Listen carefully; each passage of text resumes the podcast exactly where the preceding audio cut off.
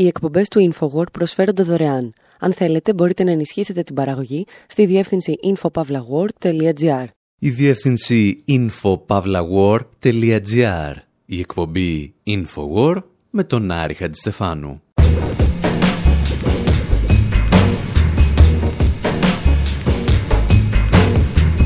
Όπου σήμερα παίρνουμε το τηλεχειριστήριο του Air Condition με την βεβαιότητα ότι αποκτούμε τον έλεγχο των μέσων παραγωγής ψύχους. Αναζητούμε την ταξική ιστορία του κλιματισμού και στο ενδιάμεσο μουτζουρώνουμε τις σελίδες ενός περιοδικού σε ένα μεγάλο τυπογραφείο. Αναρωτιόμαστε εάν θα είχε εκλεγεί ο πρόεδρος Ρόναλντ Ρίγκαν εάν δεν είχαν ανακαλυφθεί τα air condition και υποστηρίζουμε ότι ο κλιματισμός άλλαξε την εκλογική ανθρωπογεωγραφία μιας ολόκληρης χώρας.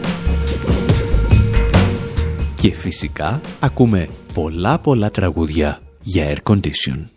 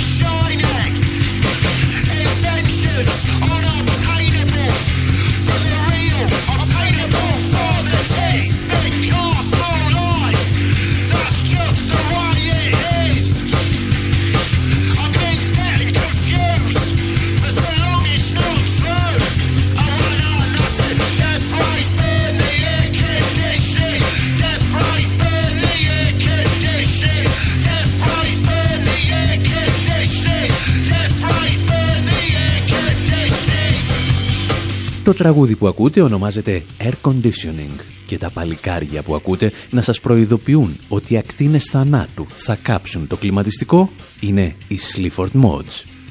Είναι ένα δίδυμο από το Nottingham, το οποίο αν το ρωτήσεις «Παιδιά, τι μουσική παίζετε εσείς» σου απαντούν ηλεκτρονική μινιμαλιστική punk hop γραμμένη για την εργατική τάξη.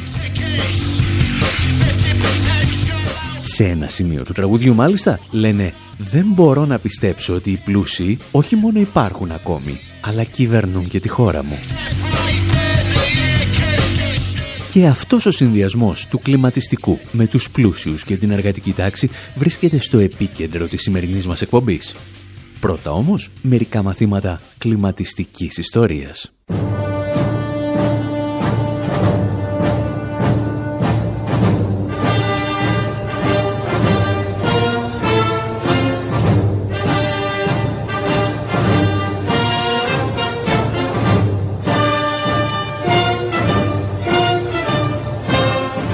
Ορισμένοι ιστορικοί θα σας πούν ότι ο πρώτος άνθρωπος που επιχείρησε να φτιάξει ένα σύστημα κλιματισμού ήταν ο Ελιογκάμπαλους. Και αυτό δεν είναι ποδοσφαιρική ορολογία. Είναι το όνομα που χρησιμοποιούσαν για τον αυτοκράτορα της Ρώμης Μάρκο Αβρίλιο Αντωνίνο Αύγουστο. Σύμφωνα με το BBC, ο αυτοκράτορας έβαζε τους σκλάβους να μεταφέρουν πάγο από τα βουνά της γύρω περιοχής, τον οποίο τοποθετούσε σε διάφορα σημεία του παλατιού για να δημιουργεί ένα ευχάριστο αεράκι. Άλλοι ιστορικοί βέβαια λένε ότι ήταν ο πρώτος που έφτιαξε θέρμανση με ζεστά ρεύματα αέρα. Όπως καταλαβαίνετε δηλαδή, μάλλον κάποιος πήρε μια ιστορία και την έκανε λάστιχο. Το ηθικό δίδαγμα όμως είναι ότι από την πρώτη στιγμή ο κλιματισμός είχε ταξικό πρόσημο. Ήταν για τους λίγους και ισχυρούς. Και αυτό, όπως θα δούμε, είναι ένα μοτίβο που επαναλαμβάνεται μέχρι τις ημέρες μας. Παρόμοιες προσπάθειες κλιματισμού του αέρα γίνονταν και το 19ο αιώνα στις Ηνωμένες Πολιτείες με τη μεταφορά χιονιού και πάγου από λίμνες σε κλειστές αίθουσες, όπως τα θέατρα. Το πρόβλημα ήταν ότι οι πρώτες σειρές θεατών μαλάκωναν από την υγρασία και όσο αυξάνονταν η μόλυνση των πόλεων υπήρχε και μια ελαφρά οντέρ στην ατμόσφαιρα. Ανάλογα δηλαδή με το τι κατέβαζε ο βόθρος και η φάμπρικα στην πλησιέστερη παγωμένη λίμνη. Η ανθρωπότητα θα έπρεπε να περιμένει μέχρι τις αρχές του 20ου αιώνα για να γνωρίσει το πρώτο πραγματικό air condition. Και για άλλη μια φορά, η ιστορία του σχετίζεται με τις συνθήκες εργασίας και τις κοινωνικές τάξεις.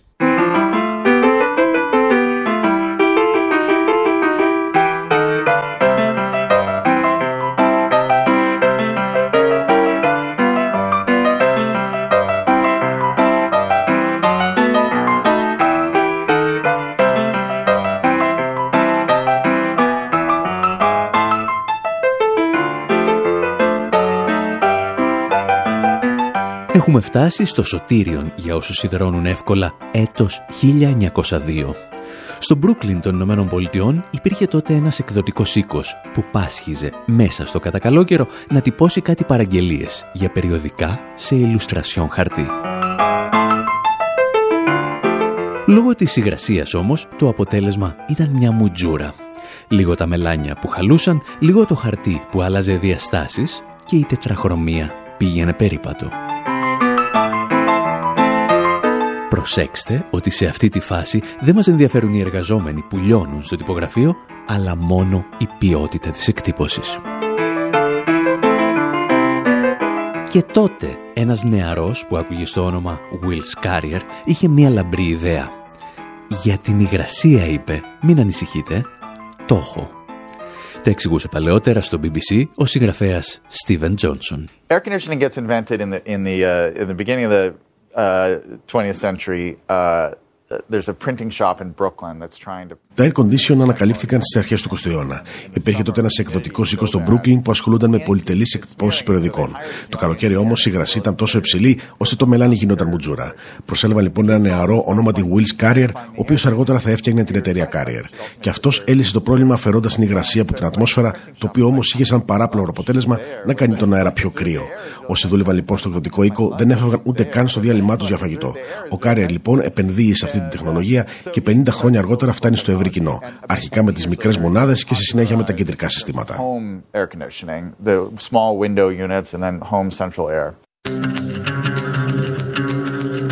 Σε αυτά τα 50 χρόνια που μεσολάβησαν, ο κλιματισμός συνέχισε να αφορά ως επιτοπλίσεων τις βιομηχανίες και λιγότερο τον άνθρωπο. Και φυσικά τα αφεντικά ενδιαφέρονταν πολύ περισσότερο για τον εξοπλισμό τους παρά για τους εργάτες τους. Η βασικότερη εξαίρεση όπου ο κλιματισμός αφορούσε πραγματικά τον άνθρωπο ήταν οι κινηματογράφοι. Από τη δεκαετία του 30 οι αίθουσες που προσέφεραν κλιματισμό έκαναν τη διαφορά. Για την ακρίβεια έκαναν τόση διαφορά ώστε οι αιθουσάρχες διαφήμιζαν πρώτα το ότι έχουν κλιματισμό και στη συνέχεια ποια ταινία θα πρόβαλαν. Yes, you lucky people, just sit back for a moment, relax and notice the delightfully clean, cool, and refreshing atmosphere of this scientifically air-conditioned theater. Great, isn't it? Remember, you can enjoy great motion picture entertainment all summer long in cool comfort at this theater. Οι επιχειρηματίες αρχίζουν λοιπόν μόλις να αντιλαμβάνονται την επανάσταση που θα φέρει το air condition στο εμπόριο, στην κατασκευή πολυκαταστημάτων και μόλ, αλλά ακόμη και στην αρχιτεκτονική των πόλεων. Οι ουρανοξύστες που μέχρι τότε αντιμετώπιζαν πολύ υψηλές θερμοκρασίες στους ανώτερους ορόφους εκτινάσσονται και πάλι προς τον ουρανό. Τα πολυκαταστήματα δημιουργούν ένα διαφορετικό κόσμο με ελεγχόμενο φωτισμό και θερμοκρασία. Εκεί όπου οι πελάτες χάνουν την αίσθηση του χρόνου, διευρύνοντας το ωράριο λειτουργίας του καταστήματος. Νέες πόλεις γιγαντώνονται σε περιοχές που μέχρι τότε θεωρούνταν σχεδόν ακατοίκητες το καλοκαίρι.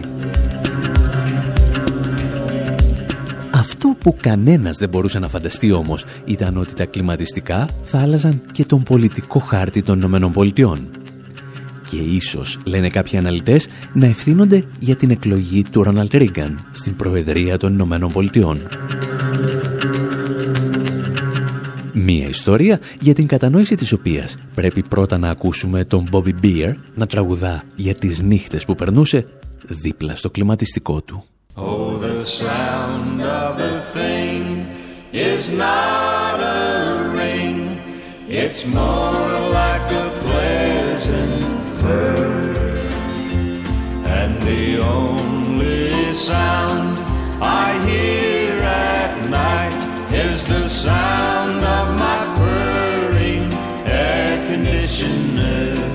The air is pure. And dehumidified, thermostatically controlled.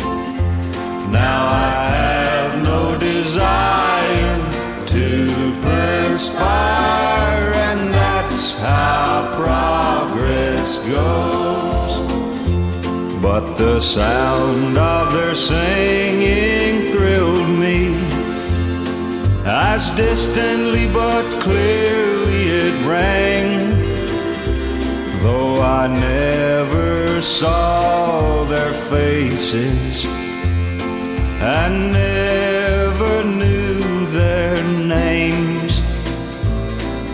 the gentle breeze brought sweet dreams of sweethearts that I never saw. Ο Bobby Beer είναι ένα από τα γνωστά ονόματα της αμερικανικής country σκηνής και κανείς δεν είναι απόλυτα σίγουρος γιατί έπρεπε να γράψει ένα ρομαντικό τραγούδι για το κλιματιστικό του. Αυτός ο ήχος, λέει, δεν είναι ακριβώς σαν κουδούνισμα. Είναι ένα ευχάριστο πουρ-πουρ από το air condition. Και είναι ο μόνος ήχος που ακούω τις νύχτες. Ο αέρας, συνέχιζε το τραγούδι, είναι καθαρός και χωρίς υγρασία, καθώς ελέγχεται από έναν θερμοστάτη. Αυτό το ρομαντικό πουρπούρ των κλιματιστικών άρχισε να εξαπλώνεται στις νότιες πολιτείες των Ηνωμένων Πολιτειών από τις αρχές της δεκαετίας του 50. Και τότε συνέβη κάτι μαγικό. Τα εξηγούσε και πάλι ο συγγραφέας Steven Johnson. In 1951, Carrier's company introduces an air conditioning unit that is miniaturized and affordable for a mass market. Το 1951 η εταιρεία του Carrier παρουσίασε μια συσκευή air condition η οποία ήταν μικρή σε μέγεθος και οικονομικά προσιτή για τη μαζική αγορά. Προσέξτε όμως ποιες ήταν οι επιπτώσεις για τον τόπο κατοικίας των ανθρώπων. Ο πληθυσμός της πόλης Τούσκον στην Αριζόνα αυξάνεται κατά 400% σε 10 χρόνια. Το Houston κατά 300% ενώ στην Τάμπα, το Ντάλλας και την Ατλάντα ο πληθυσμός διπλασιάζεται ή τριπλασιάζεται. Και το ίδιο συμβαίνει παντού. Η νέα συσκευή δεν ανακυκλώνει απλώς τον αέρα αλλά και την κατοικία και τη ζωή των ανθρώπων. Αλλάζει την Αμερική. Changing lives changing America. And now this amazing new RCA room air conditioner featuring the outstanding Heart of Cold compressor. RCA's exclusive airflow grill that assures even distribution of cool, pure, fresh air. Η βιομηχανία του air conditioner γνωρίζει πεδίο δόξης λαμπρό, μετατρέποντας τις αβίωτες πολιτείες του Αμερικανικού Νότου σε κάτι ελαφρώς πιο βιώσιμο. Το μέσο αμερικανικό νοικοκυριό του Νότου γνωρίζει ότι θα μπορεί πλέον να κοιμάται τα βράδια χωρίς να υδρώνει τη φανέλα.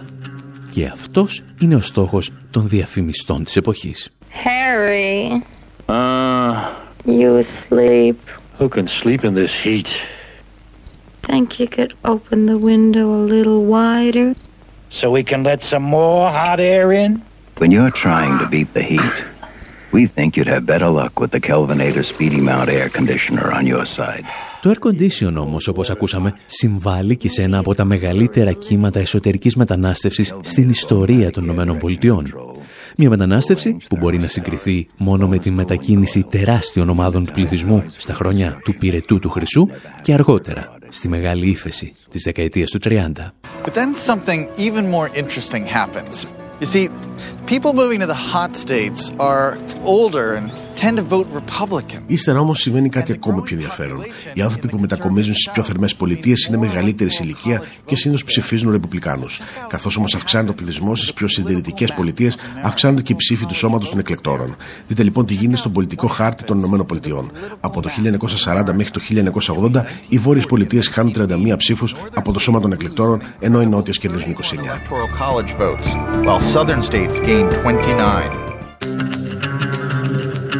Αυτό που μας εξηγεί ο Στίβεν Τζόνσον είναι η ιστορική αλλαγή των ισορροπιών στο λεγόμενο εκλεκτορικό κολέγιο, μέσω του οποίου εκλέγεται κάθε τέσσερα χρόνια ο πρόεδρος αλλά και ο αντιπρόεδρος των Ηνωμένων Πολιτειών.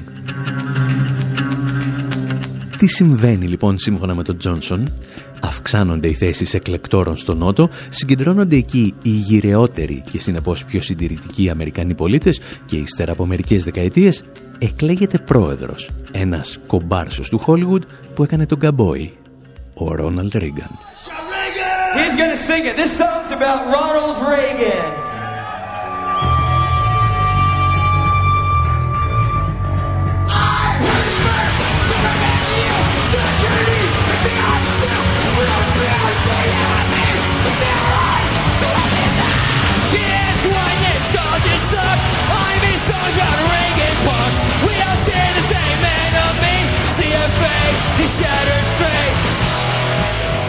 Και ενώ οι NoFX εκφράζουν εδώ τις απόψεις τους για τον Ρόναλ Ρίγκαν, ο πρόεδρος των ΗΠΑ άλλαζε την Αμερική και ολόκληρο τον πλανήτη. Εισήγαγε τον νεοφιλελευθερισμό, ο οποίος είχε δοκιμαστεί πειραματικά στη Χούντα της Χιλής. Κλιμάκωσε την ένταση του ψυχροπολέμου και τους εξοπλισμούς, έθεσε τις βάσεις για την επιστροφή του θρησκευτικού φονταμενταλισμού και διέλυσε το κράτος πρόνοιας, με συνέπειες που είναι ορατές ακόμη και σήμερα.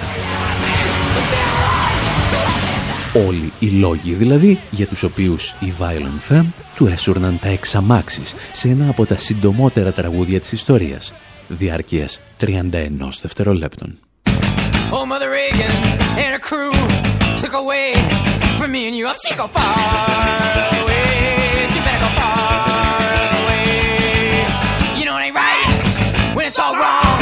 See old Mother Reagan protest song. Oh, Mother Reagan, she's so dumb. She's so dangerous. How come, she don't go far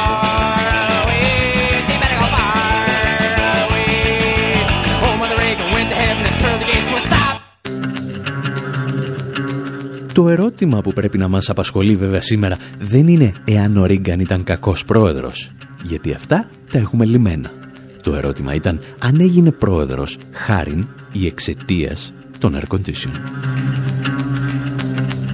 Και σε αυτό το σημείο, ακόμη και ο πατέρας της θεωρίας, δηλαδή ο Στίβεν Τζόνσον, που ακούγαμε νωρίτερα, ρίχνει λίγο νερό στο κρασί του. That Sunbelt coalition is crucial to η λεγόμενη Συμμαχία των Πολιτειών του Νότου έπαιξε καθοριστικό ρόλο στην εκλογή του Ρόναλντ Ρίγκαν το 1980. Φυσικά ο Ρίγκαν θα μπορούσε να έχει εκλεγεί και χωρίς τα air condition, αλλά θα έπρεπε να ακολουθήσει διαφορετική στρατηγική. Θα έπρεπε να έχει δημιουργήσει μια εντελώς διαφορετική συμμαχία. Ο κλιματισμός λοιπόν έπαιξε το ρόλο του. Ήταν λοιπόν τόσο καθοριστικός ο ρόλος των κλιματιστικών στην κυριαρχία του νεοφιλελευθερισμού και του Ρόναλντ Ρίγκαν. Θα το δούμε στο δεύτερο μέρος της εκπομπής, όπου θα εντρυφήσουμε στα ταξικά χαρακτηριστικά του κλιματισμού. Μέχρι τότε θα σας αφήσουμε στη μουσική αγκαλιά του συγκροτήματος Σαλονιμούς Κλιμαλίντερ. Σε ελεύθερη απόδοση η αίθουσα κλιματίζεται.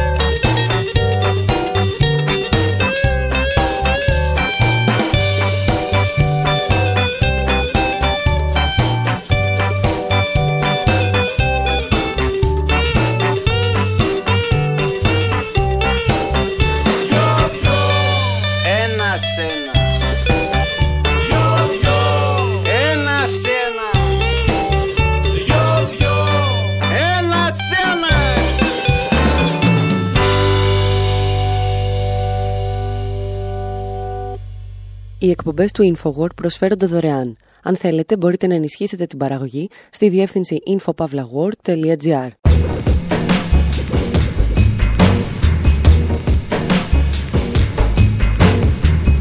Εκπομπή InfoWord συνέχεια. Όπου αφού ακούσαμε την πολύ ενδιαφέρουσα θεωρία πως τα air condition ευθύνονται για την νίκη του Ρόναλτ Ρίγκαν και για την επικράτηση του νεοφιλελευθερισμού, λέμε να ρίξουμε στη θεωρία λίγο νερό για να ξυπνήσει. Θα το κάνουμε όμως αμέσως μετά από αυτό. Τους Public Enemy να τραγουδούν για το δικό τους air conditioning. Keep it moving, y'all. Yeah. Keep it moving. Yeah. You can feel it in the air. Yeah, you can feel it in the air. Air conditioning. Yeah. It's the same song heard over and over and over and over and over and over. Gotta tell me why the hell they got the Mars rover with much of Arizona still can't grow a thing in dirt. I'm hurt. You don't know Solomon Burke or even James Brown did work. Or the son of Berserk. I turned a beat before he got meaner with Tina. When times were leaner. Cats did six shows. Horn at the Apollo Holla. Dynamite shows below five dollars. Sex machines don't be so mean. Heard with trumpets. Come on. Can you jump it? Off over the Atlantic. Took the soul for granted. Air stole the soul like a bandit. Conditioning. Air conditioning. Air conditioning. What? Yo, that's the way we say it. Come on. Motown stacks put the soul to rest. Just put that blues up all in his chest. Sex shops, backdrops, Joe Tex beats. In the middle of hip hop, get them out them seats. Fast cars and faster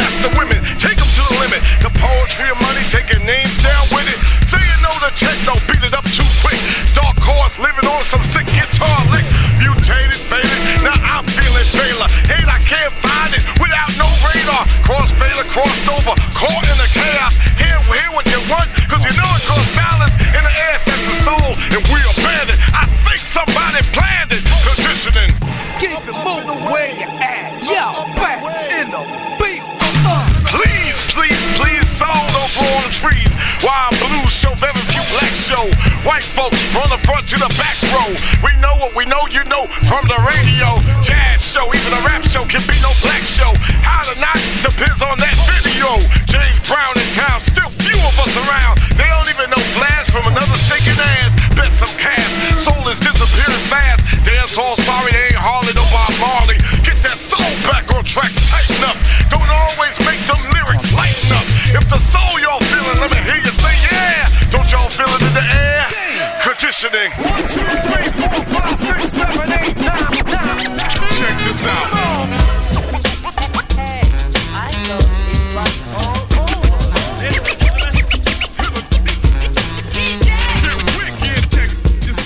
Public Enemy κάνουν τα δικά τους λογοπαίγνια με τη λέξη air conditioning, αναφερόμενοι στον καθορισμό της περιραίουσας ατμόσφαιρας.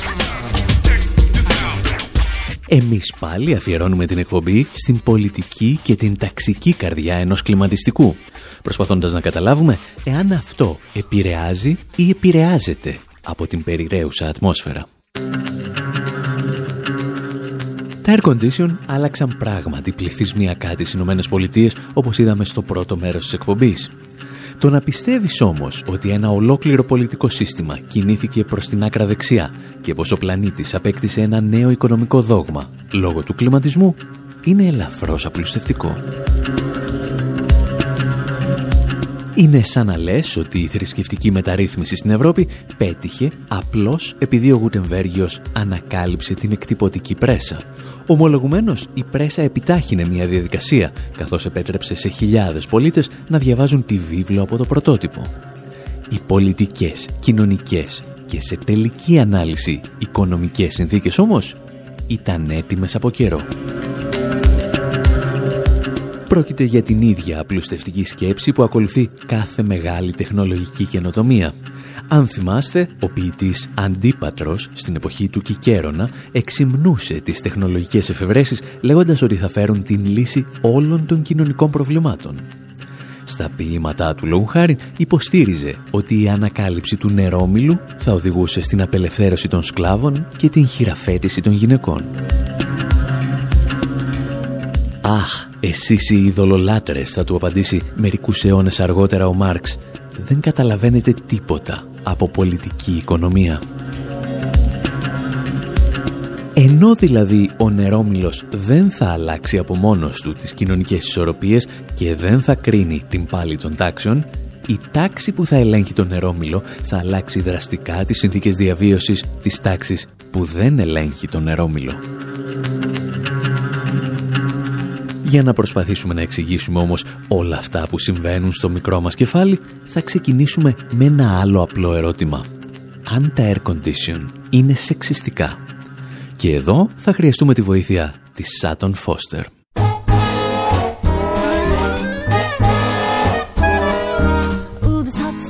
got me down. You can fry an egg on the street. Heat waves are wiggling on the sidewalk. Cops are dropping like flies on the beat. I need a new lover to take me in, protect me from this humid air. Be you from Brooklyn, Staten Island, or Queens, I don't care. It don't matter kind of loving you're into, or how big your apartment might be. All you need's an air conditioner, and you're the man for me. You can pour me a glass of Perrier. You can fan my fevered brow. You can rub me down with alcohol. That ain't enough. No how. You can lay me in a tub of ice. You can stand me in a cold shower too. But if you don't have an air conditioner, I will not go home with you. It don't matter kind of loving you're into or how big your ego might be. All you need's an air conditioner. Are the man, you are the man, you are the man, you are the man, you are the man for me. Bye bye. Bye bye. Ho, ho, ho, what's that you say? You live by the Hudson River and a breeze blows through your door. Well, honey, if you don't have a Friedrichs in your window, I don't want to hear anymore. You say you live in a penthouse, you got a terrace with a view of the night. Well, that's swell, but I really must tell you, an air conditioner's a much prettier sight. It don't matter kind of loving you're into, or how big your album may be. All you need's an air conditioner, and you're the man. Oh. Η Σάτον Φώστερ, που πιθανότατα την γνωρίζετε περισσότερο ως ηθοποιό, αλλά ίσως και όχι, τραγουδά τον πόνο της για μια καυτή ημέρα στη Νέα Υόρκη. Μία από εκείνες τις ημέρες, λέει, που μπορείς να βράσεις ένα αυγό στο οδόστρωμα και οι μπάτσι πέφτουν σαν τις μύγες. Αυτό λέει. Λέει επίσης ότι όσο μεγάλο κι αν είναι το αυτοκίνητό σου, το εγώ σου, το σπίτι σου και το αυτό σου, δεν με νοιάζει, γιατί εγώ θέλω απλώς έναν άντρα με air condition. Και αν νομίζεις, συνεχίζει, ότι μπορείς να με ξεγελάσεις με το διαμέρισμά σου με θέα στον ποταμό Χάτσον στη Νέα Υόρκη, όπου φυσά τα απογεύματα, αν δεν έχεις air condition, δεν θέλω ούτε να σε ξέρω. Αν όμως έχεις, καταλήγει η αηδός, τότε εσύ είσαι ο άντρας. Και κάπου εδώ ξεκινούν τα προβλήματα, γιατί όπως μάθαμε πριν από μερικά χρόνια, τα air condition είναι συχνά σεξιστικά, σχεδόν όσο και το τραγούδι που ακούσαμε. Το έλεγαν και στην τηλεόραση. So I live here, I work here in New York, where the high today is a balmy 90. Uh, that's outside, of course. But inside this building... Μένω στη Νέα Υόρκη, όπου η θερμοκρασία σήμερα είναι στους 32 βαθμούς Κελσίου. Έξω, γιατί μέσα στο κτίριο κάποιοι παγώνουν. Ειδικά οι γυναίκες. Τώρα, μια νέα έρευνα λέει ότι τα δεδομένα για τη θέρμανση και την ψήξη κτηρίων καθορίστηκαν στη δεκαετία του 60. Έχουν ρυθμιστεί δηλαδή για τις ανάγκες μεταβολισμού του σώματος με σύλλικων ανδρών και όχι των γυναικών. Αρκετοί λοιπόν αναρωτιούνται, μπορεί ο θερμοστάτης να είναι σεξιστής; Uh, as a sexist thermostat. Ας πάρουμε τα πράγματα από την αρχή. Καταρχήν, αν είσαι δημοσιογράφος και έχει 32 βαθμούς Κελσίου, δεν κάνεις θέμα για τα air condition. Στο εάν όμως ο θερμοστάτης είναι σεξιστής, τα πράγματα γίνονται ομολογουμένως πιο ενδιαφέροντα. Η έρευνα για την οποία ακούσαμε έγινε για πρώτη φορά το 1998 στο Πανεπιστήμιο της Γιούτα και αυτό που έδειξε είναι ότι οι εξισώσεις που χρησιμοποιούν οι μηχανικοί για να καθορίσουν την βέλτιστη θερμοκρασία στο χώρο εργασίας δεν έχουν αλλάξει από το 1960. Το 1960 όμως, οι άντρες αποτελούσαν πολύ μεγαλύτερο ποσοστό των εργαζομένων σε γραφεία σε σχέση με τις γυναίκες. Οι μηχανικοί λοιπόν πήραν ως πρότυπο έναν άντρα 40 ετών μέσου βάρους και καθόρισαν την βέλτιστη θερμοκρασία για τον δικό του μεταβολισμό. Το θέμα ίσως να φαντάζει δευτερεύουσας ή ανύπαρκτης σημασίας. Αρκετοί ερευνητές άλλωστε έχουν απορρίψει τα εμπειρικά συμπεράσματα της έρευνας. Η θεωρία όμως επιβεβαιώνει κάτι άλλο. Ότι συνήθως τα πράγματα στο χώρο εργασίας καθορίζονται με βάση τις ανάγκες του ισχυρού, στη συγκεκριμένη περίπτωση των ανδρών και όχι των γυναικών. Το οποίο μας φέρνει ακόμη πιο κοντά στην ουσία του ζητήματος, στο ποιος πρέπει να κρατά το τηλεκοντρόλ του air condition ή, αν το προτιμάτε σε μαρξιστικούς όρους, ποιος πρέπει να έχει τον έλεγχο των μέσων παραγωγής κρύου. Και για να καταλάβουμε το μέγεθος του προβλήματος πρέπει να βγούμε από το μικροκλίμα των γραφείων μας και να δούμε το ζήτημα σε πλανητικό επίπεδο. Πρώτα όμως θα αφήσουμε τους Stereophonics να μας μιλήσουν για το Ινδικό καλοκαίρι.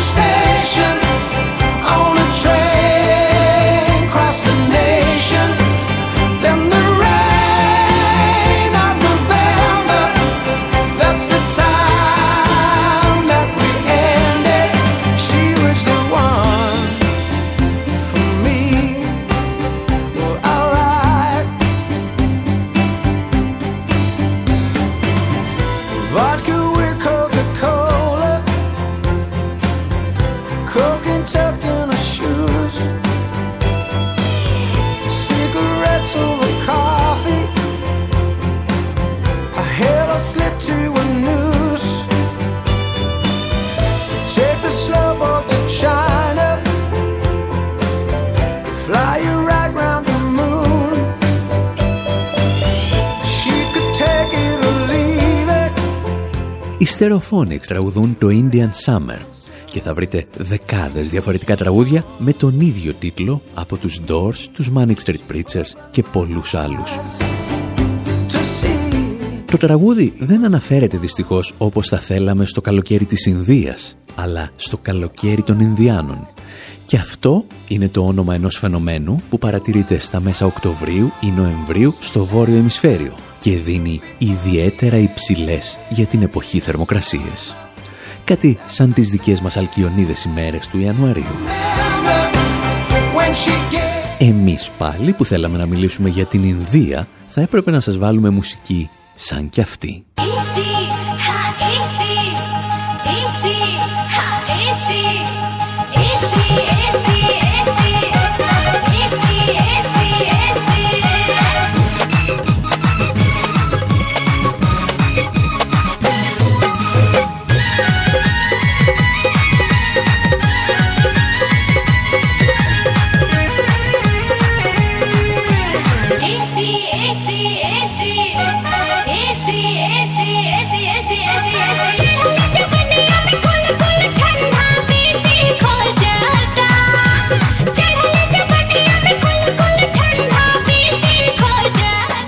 Αφού καταλάβατε τώρα γιατί πριν σας βάλαμε το λάθος τραγούδι για το Ινδικό καλοκαίρι και όχι το σωστό που ακούτε τώρα και είναι αφιερωμένο στο air condition, μπορούμε να προχωρήσουμε στο θέμα μας.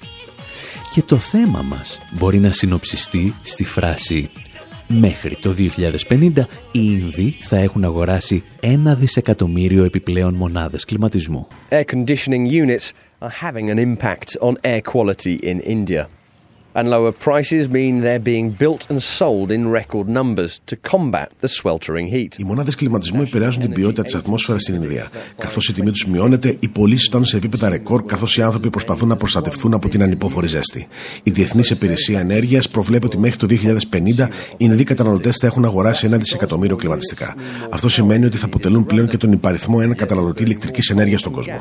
Τα περισσότερα κλιματιστικά απαιτούν περισσότερη ενέργεια, για την παραγωγή της οποίας χρησιμοποιείται λιγνίτης και φυσικό αέριο. Σήμερα μόνο 5 στα 100 σπίτια έχουν air condition. Την τελευταία δεκαετία όμως η αύξηση κυμαίνεται σε διψήφια ποσοστά και θα συνεχίσει αυτή την πορεία. Για τους περισσότερους Ινδούς όμως η σωστή θερμοκρασία στο σπίτι είναι πιο σημαντική από την ποιότητα του αέρα.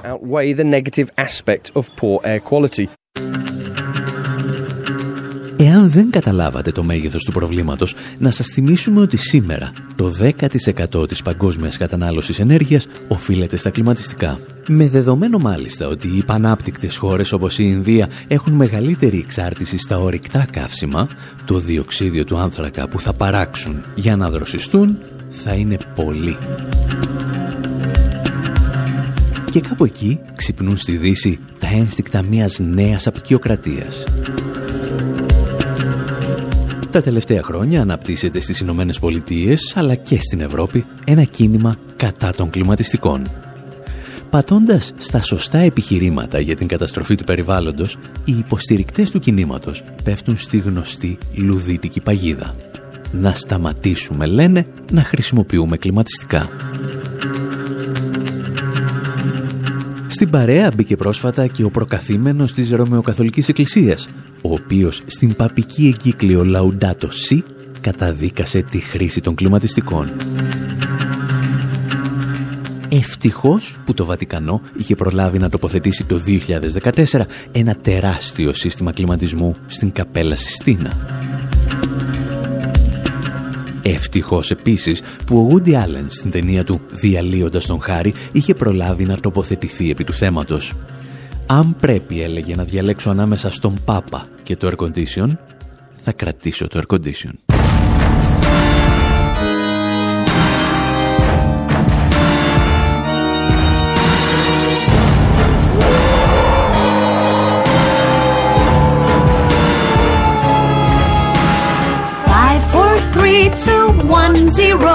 you're from.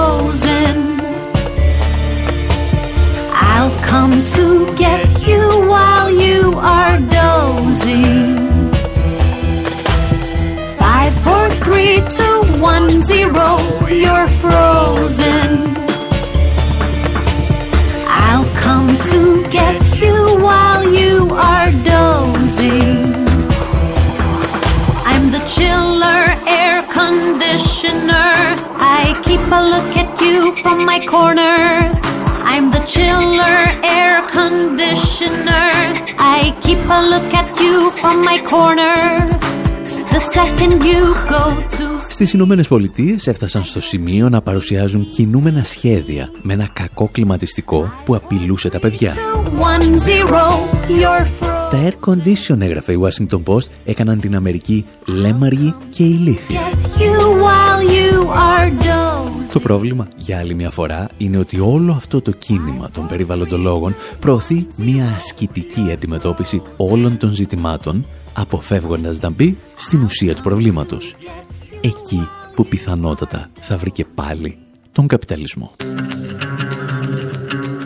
Γιατί η δροσιά ενός air condition που φέρνει τον ανθρώπινο οργανισμό κοντά στις βέλτιστες συνθήκες διαβίωσης πρέπει να είναι δικαίωμα για όλους. Με τον ίδιο τρόπο δηλαδή που ο Οργανισμός Ηνωμένων Εθνών όρισε σαν αναφέρετο δικαίωμα του ανθρώπου την πρόσβαση στο ίντερνετ. Κάθε χρόνο πεθαίνουν από υψηλές θερμοκρασίες πολύ περισσότεροι άνθρωποι από όσους πεθαίνουν από πλημμύρες, σεισμούς, κυκλώνες και άλλα φυσικά φαινόμενα. Επίσης, κάθε αύξηση στη θερμοκρασία πέρα από κάποια επίπεδα μειώνει δραστικά την παραγωγικότητα της εργασίας. Οι φτωχότεροι λαοί δηλαδή, χωρίς πρόσβαση σε κλιματισμό, εισέρχονται σε ένα φαύλο κύκλο μειωμένης παραγωγικότητας που διαιωνίζει την υπανάπτυξή τους. Και φυσικά, όσοι καταδικάζουν τώρα τα air condition, το θυμήθηκαν αφού οι Ινδοί αποφάσισαν να δροσιστούν και αυτοί. Ύστερα δηλαδή από μερικούς αιώνες απικιοκρατίας και νέο απικιοκρατίας που τους μετέτρεψε από ένα πλούσιο έθνος σε παρίες της παγκόσμιας οικονομίας.